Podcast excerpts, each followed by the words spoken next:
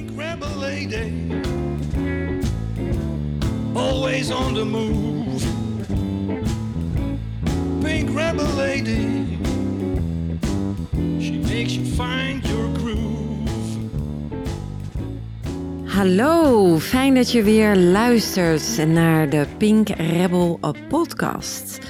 Oh, we hebben het over zoveel dingen al gehad in al die vele afleveringen. Intussen al meer dan twintig afleveringen. Waar ik uh, ja, veel met je heb gedeeld hè, intussen. Ik heb heel veel met je gedeeld over uh, mijn hele levensloop eigenlijk. Uh, heel, heel kwetsbaar ook. Um, en ik merk dat dat voor mezelf veel heeft geholpen om dat te delen met jou als luisteraar. En je bent natuurlijk niet alleen. Dus er zijn meerdere gelukkig die luisteren. Uh, en dat geeft ook uh, een stukje verbinding. Uh, dat geeft ook een stukje herkenbaarheid voor jou ook als luisteraar. Met sommige dingen heb je meer en met sommige dingen heb je minder van de afleveringen. Maar ik ben wel blij om te horen van de feedback van iedereen die luistert, dat iedereen er toch wel ergens onderweg iets uitpikt. En dat is ook de hele opzet geweest eigenlijk van deze podcast. Uh, zeer uitzonderlijke podcast, zonder commercieel winstoogmerk of doel.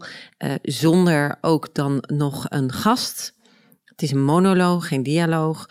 Dus het is ook knap dat jij blijft luisteren 20 minuten lang naar mijn uh, stem. Dus dat vind ik best wel bijzonder.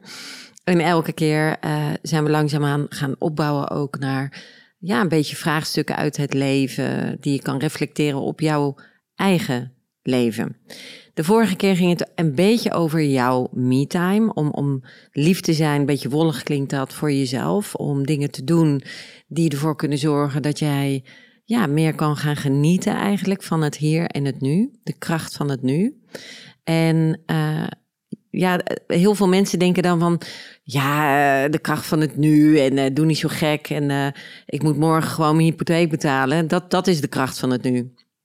Is ook zo, dat zijn allemaal realiteitszinnen. Ik, ik zit hier ook niet als uh, Pipi Langkous alleen maar uh, la la la la en alles is mooi weer uh, te willen claimen. Tuurlijk niet, maar het, het is wel zo dat het er van afhangt hoe jij in je mindset in het leven staat en blijft staan. En dan komen we weer terug op het mooie woord veerkracht. Als jouw veerkracht hoog ligt en jij kan heel letterlijk veerkrachtig in het leven staan, dan is het ook eigenlijk heel chill. Dan maak je je nergens druk over. Alles is een beetje in de flow. Yo, yo, yo. Alles gaat vanzelf. Dingen komen naar je toe. Uh, de hypotheek kan je makkelijk betalen.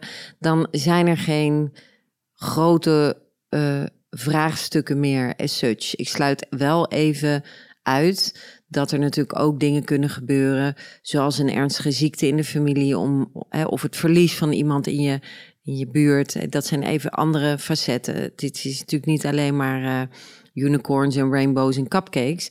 Ik heb het gewoon even over globaal, de 365 dagen van het jaar. En ik heb het ook even over globaal hoe je leven zich ontvouwt op, op jaarbasis. Daarom vind ik ook altijd het zo belangrijk dat we stilstaan één keer per jaar bij dat we bestaan. En dat zouden we eigenlijk kunnen en mogen doen als we jarig zijn. En dat vind ik ook zo'n leuke. Hoe vier jij je verjaardag? Nou, heel veel mensen. Oké, ik, moet, ik moet even nuance maken. Wacht even. Over het algemeen zijn vrouwen wat gevoeliger aan een verjaardag dan mannen. Maar even mannen en vrouwen apart gelaten en even over de maatschappij gesproken, vindt men uh, verjaardagen, wow, ja, nee, hoeft niet. En uh, het is een dag als een ander. En uh, ik heb geen zin dat het allemaal over mij gaat. En ja, ik word ouder, dus er komen wat rimpels bij. En dit en dat, dat hoeven we niet te vieren. Maar ik denk daar toch wel een beetje anders over. Want uiteindelijk is het wel zo dat je alweer een jaar verrijkt bent door ervaringen, door dingen die gebeurd zijn. Leuk, minder leuk. Maar je bent wel gegroeid. En niet alleen ben je gegroeid uh, met het verrijken van rimpels of een paar kilo's meer of hormonaal het een en het ander, maar ook gewoon mentaal qua mindset, qua verroering. Er zijn misschien wat mensen onderweg niet meer mee met jou onderweg en andere weer nieuwe mensen zijn weer als reisgezel ja, meegekomen, zeg maar, in jouw leven. Dus er zijn zoveel dingen om dan eens even stil bij te staan. Het allerbelangrijkste is hopelijk dat je je verjaardag in goede gezondheid kan vieren. Daar gaat het toch uiteindelijk om. Dit, dat het gezond zijn is ons hoogste goed. En elke dag als jij opstaat, vind je, dit heb ik al eerder gezegd, het gewoon heel normaal dat je kan ruiken, proeven, zien, lopen. Maar dat is niet zomaar normaal. Want het gebeurt. En het gebeurt misschien uitzonderlijk, maar het gebeurt. Dat er mensen wakker worden die ineens blind zijn. Of het gebeurt dat men wakker wordt en denkt: hé, hey, ik, ik heb wat rare flitsen in mijn ogen. Ik ga maar eens even naar de dokter. En dat er ineens een tumor in, in dat hoofd zit. Letterlijk gebeurt. Ik ken deze mensen. Dus dit, dit zijn geen dingen die jou of mij niet kunnen overkomen. En daarom zeg ik carpe fucking. Want je mag, ja, ik moet even ervan slikken af en toe, hè, natuurlijk. Dat hoor je me ook doen. Uh, maar weet je, dat is zo belangrijk. Het is zo belangrijk om daar stil bij te staan. En op een of andere manier zijn we een soort slaaf uh, van onze eigen maatschappij geworden. En ik vind dat gewoon zo ontzettend zonde. Dus als ik zeg carpe diem, dan gaat het niet alleen over letterlijk carpe diem. En maak van elke dag uh, ja, een feest gewoon, weet je. Elke dag kan de laatste zijn. Kan gewoon. Elk moment kan het laatste moment zijn. Dat moment komt ook nooit meer terug. Elk woord wat ik er nu uitgooi, kan ik dadelijk niet meer terugtrekken. Het is dan al gebeurd. En we staan daar gewoon veel te weinig bij stil. Een split second kan het afgelopen zijn. En vroeger maakte me het leven niet zo uit, omdat ik aan het overleven was. I really didn't give a shit. Maar nu ben ik. Uh, angstig is een groot woord, maar sta ik wel enorm stil bij de, ja, rijkdom dat we elke dag weer een mooie dag hebben mogen ervaren. Met ook de minder mooi gekleurde dingen in die dag. Maar hoe dan ook, verrijk je dan in die ervaring. Want ja, als er iets minder leuks gebeurt op het werk of in je relatie of met je vrienden of je familie, ja, dan, dan ongevraagd kan het ook natuurlijk een groeipijn zijn, omdat er wat ruzie is of discussie is. En misschien wordt die weer bijgelegd. En wauw, weet je, supermooi. En ja, misschien ook niet. En dan uh, is er een, een, breuk of een pauze. Maar dan kan je ook gaan koesteren naar wat er was. Ik had het toevallig nog met een vriendin van de week erover, met Ellen. En die, die vroeg uh, heel geïnteresseerd aan mij hoe het intussen is met uh, een van onze gemeenschappelijke vriendinnen, uh, omdat ik daar geen contact meer mee heb. En toen zei ze: Ja, ik heb hier nog allemaal spullen liggen van haar. Van die gemeenschappelijke vriendin bedoel ik. En die had ze toen aan mij voor jou gegeven. Maar ja, ik weet niet, hoe, wil je die spullen nog hebben of hoe kijk je daarnaar? En toen zei ik ook van, ja, ik heb geen problemen met niemand. Ik, dat meen ik. Ik heb met niemand een probleem. Klaarblijkelijk hebben vaak mensen een of niet vaak, uh, maar dan relatief vaak uh, een probleem met mij. Hè? Met, met hoe ik naar de situatie kijk, of wat mijn perceptie is, die mijn waarheid creëert. En waardoor ik anders in de wedstrijd sta dan zij. En dan worden ze boos en dat vind ik ook jammer. Maar ja, let's agree to disagree, denk ik dan. En als je dat dan niet kan en als je daar niet mee verder wil en jij als zijnde de andere partij kiest ervoor om dan tegen mij te zeggen: sorry, maar onze wegen scheiden. Dan heb ik daar alle respect voor. En dan, dan is dat ook, uh, ook goed. Kijk, er zijn natuurlijk wel dingen qua normen en waarden en wederzijds respect. Waarvan uh, je kan, daar kan je echt van zeggen van uh, ja, dat, dat, kan, dat kan gewoon niet. Dat is onacceptabel. En bij die desbetreffende vriendin zijn er dingen naar haar kant toe, vanuit mijn perceptie, uh, gecommuniceerd waarvan zij vond nee, dat vind ik echt niet kunnen. Maar ook vanuit haar zijn er handelingen gebeurd die ik niet vond kunnen. Nou, dan is het misschien ook gewoon maar beter om uit elkaar te gaan. Maar ik zei dus tegen Ellen, ik zeg ja, natuurlijk wil ik die spullen bekijken en wil ik kijken of dat er ja, leuke items tussen zitten waar ik iets mee kan. Want ik koester enorm die leuke tijd. Ik ben enorm dankbaar dat ik die tijd met die gemeenschappelijke vriendin voor al die jaren heb mogen hebben. Dus dat is hetzelfde met mijn familie. Jullie weten dat er heel veel familie-issues bij ons zijn. En dus ook breuken in de familie. En uh, ja, als ik dan soms denk aan mijn broers of aan mijn moeder of aan uh, mijn petekind of aan de kinderen van mijn broer of aan eender wie van mijn familie waar ik geen contact meer mee heb, dan kan ik er wel terugkijken en denken, ja, nou fijn dat we nog die kerst hebben gehad en dat moment dat we zo hebben gelachen in de parfumwinkel met mijn broer bijvoorbeeld in Breda was, dat was kei grappig, omdat mijn broer een periode had dat hij alles filmde uh, met zo'n selfie stok of hoe heet zo'n ding. En overal waar we liepen of gingen, was hij aan het filmen. Dat was een beetje een dingetje. En we kwamen toen in een parfumerie, een hele dure parfumeriezaak in Breda. En mijn broer, hallo! En die, die zat dus allemaal aan het filmen. En die dames waren echt een beetje, wat de fuck is deze? Allee, die waren een beetje argwanend. Want die hadden zoiets van, dit is raar. Maar ja, ik liep gewoon ook gewoon, hallo, la la la la la. En uiteindelijk heb ik ook uitgelegd, mijn broer, die komt uit het buitenland. En uh, ja, die uh, zit uh, veel in, in het vakgebied van film en fotografie. En toen was het ook helemaal geen probleem. Het jammer is wel dat ik nooit de compilatie heb gezien van alles wat hij heeft gefilmd en gefotografeerd. Ook met mijn verjaardagen en dat soort dingen.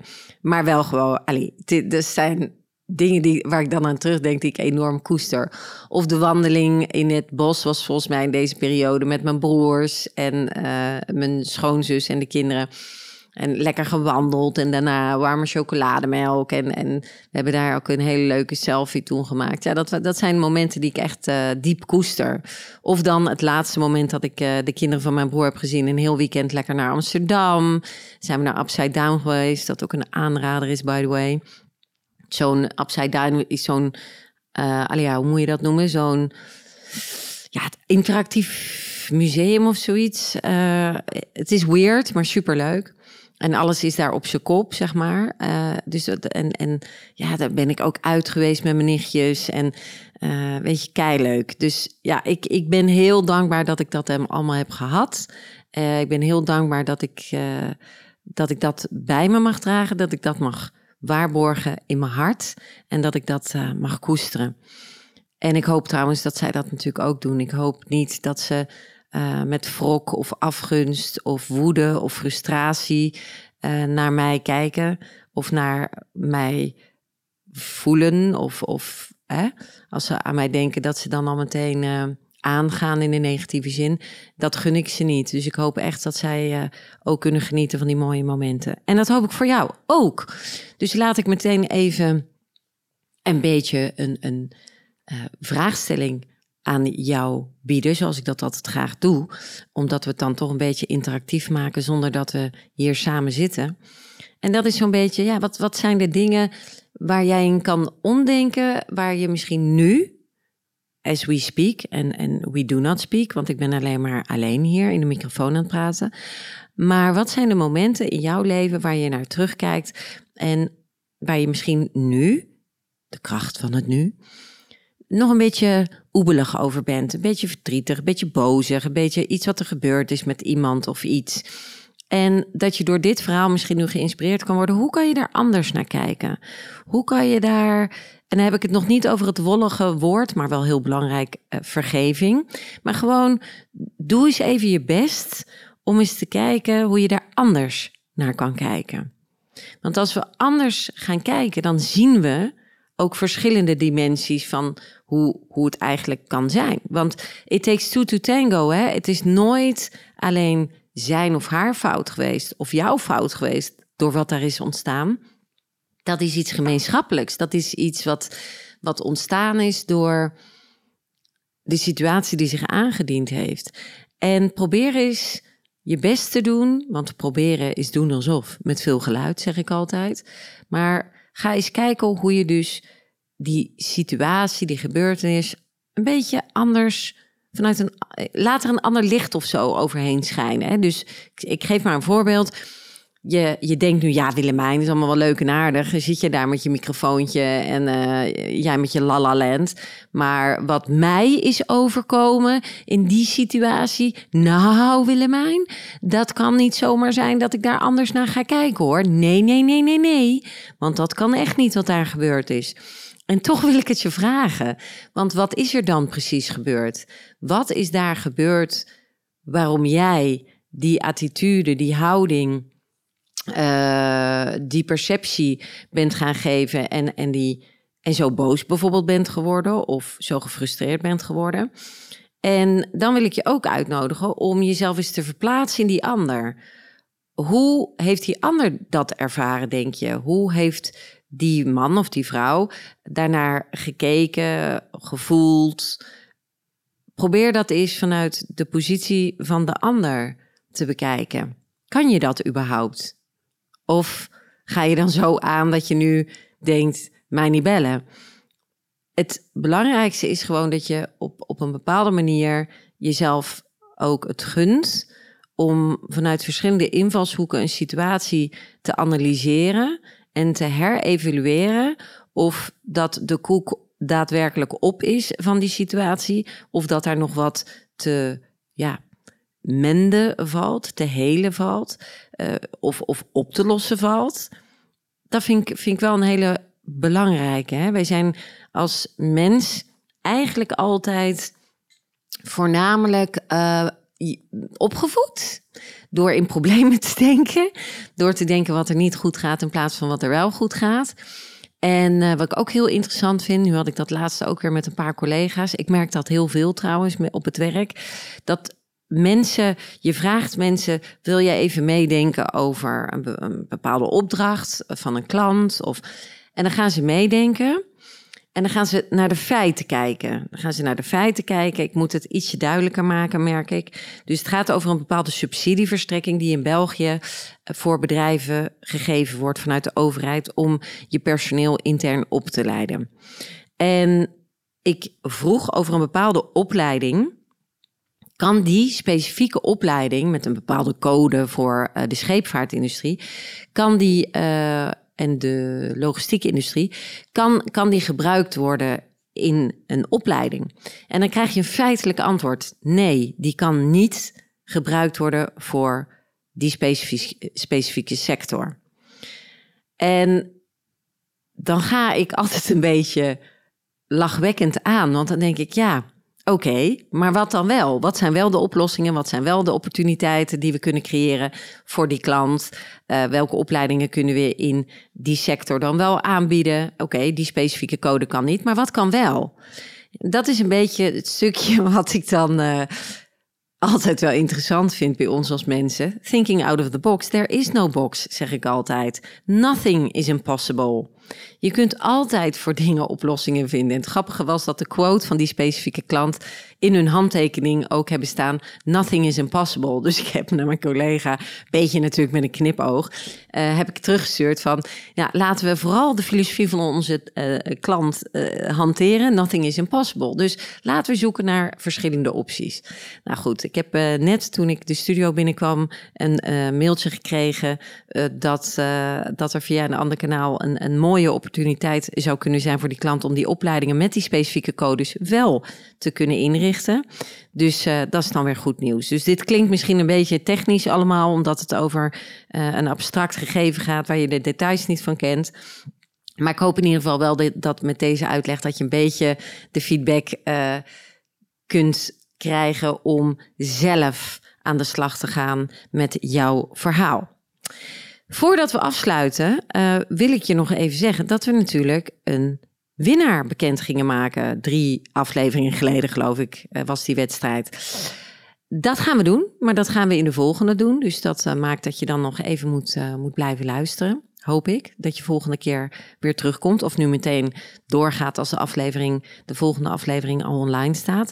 En mag ik vriendelijk, doch enigszins dringend vragen om de podcast die je leuk vond of die je echt uh, inspirerend vond, alsjeblieft, alsjeblieft, alsjeblieft, deel die via social, deel die via WhatsApp aan je vrienden, familie, waarvan je denkt van die kan er iets aan hebben.